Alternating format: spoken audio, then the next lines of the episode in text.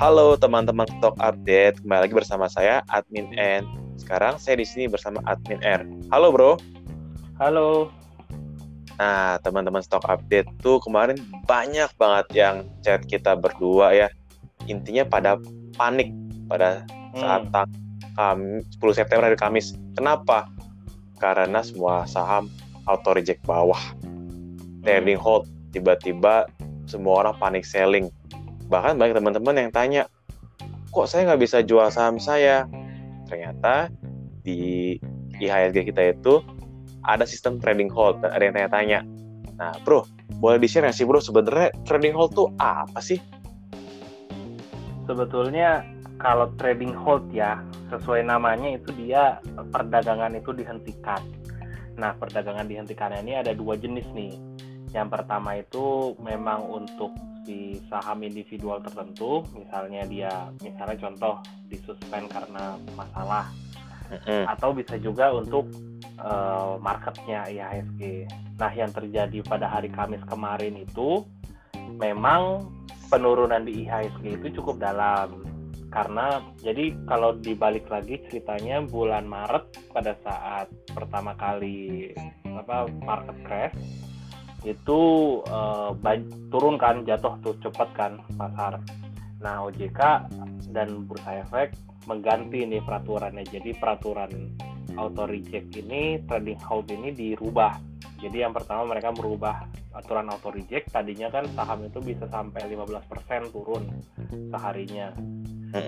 Dan yang kedua trading hold ini dirubah. Dari yang apa sekarang ini dirubah jadi setiap penurunan 5% itu ada trading hold 30 menit seperti itu. Nah, kemarin itu pada awalnya memang kalau kita ingat kan sesi pagi awal-awal e, masih turunnya baru saham-saham individual. Nah, masalahnya mulai muncul tuh pas saham-saham big cap e, BCA, e, Telkom semua udah mulai pada turun kan. Nah, di sana indeks langsung cepat turunnya. Nah, pada saat dia menghit di bawah 5%, IHSG-nya jeblok, langsung berhenti selama 30 menit tidak boleh ada perdagangan.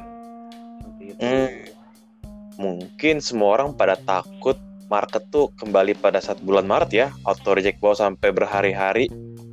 Nah iya jadi sebetulnya memang filosofi dasarnya dari trading hold ini memang biar orang-orang itu tidak panik selling. Cuma hmm. kalau menurut gua pribadi sih ya di sini kan aturannya soalnya dia bikin tiga apa tiga layer lah tiga lapisan untuk trading hold ini. Turun 5% trading hold 30 menit.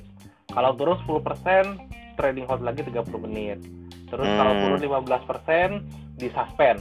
Jadi di berhenti perdagangan pada hari itu langsung ini untuk marketnya lah. berarti ya bukan saham individualnya ya? Marketnya iya marketnya. Jadi memang marketnya kalau memang turun sampai 15% dalam waktu sehari itu langsung disuspend IHSG-nya berarti ya? Iya, IHSG-nya. Cuman sayangnya kan sekarang kita udah dirubah aturan auto reject bawah kan 6%, 7 persenan.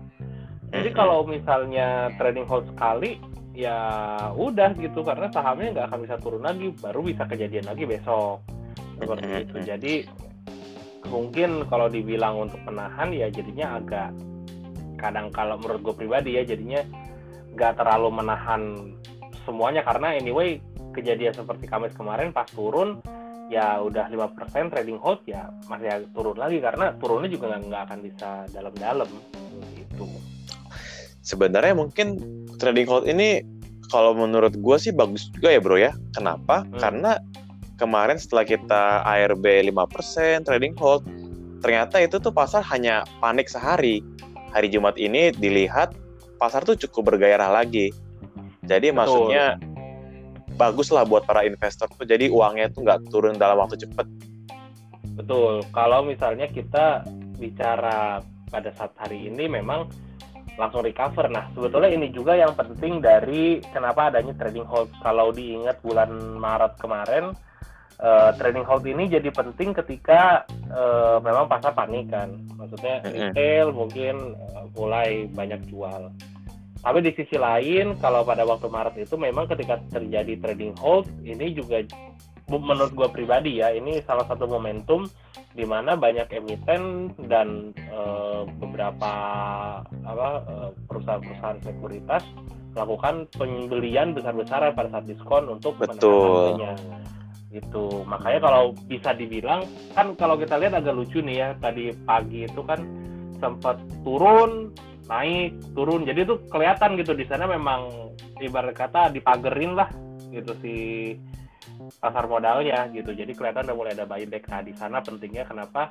Harus ada trading hold gitu. Untuk mendinginkan kepala orang biar nggak panik. Dan terutama untuk mungkin buat teman-teman yang trader ya yang cepat karena kan mereka pasti kalau udah terutama kemarin kan beberapa bilang itu udah tembus tuh apa garis supportnya udah ditembus di bawah 5000 ribu tanda-tanda kan. Makanya kenapa sekarang kan mantul lagi. Jadi banyak kalau teknikal bilang kan wah ini berarti bounce back nih berarti supportnya nggak ketembus. Seperti itu. Betul.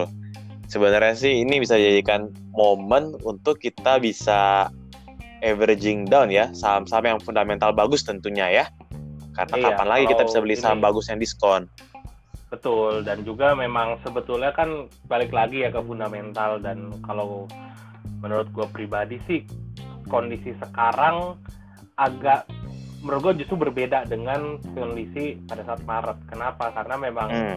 uh, sekarang ini laporan kuartal 2 sebagian besar udah keluar.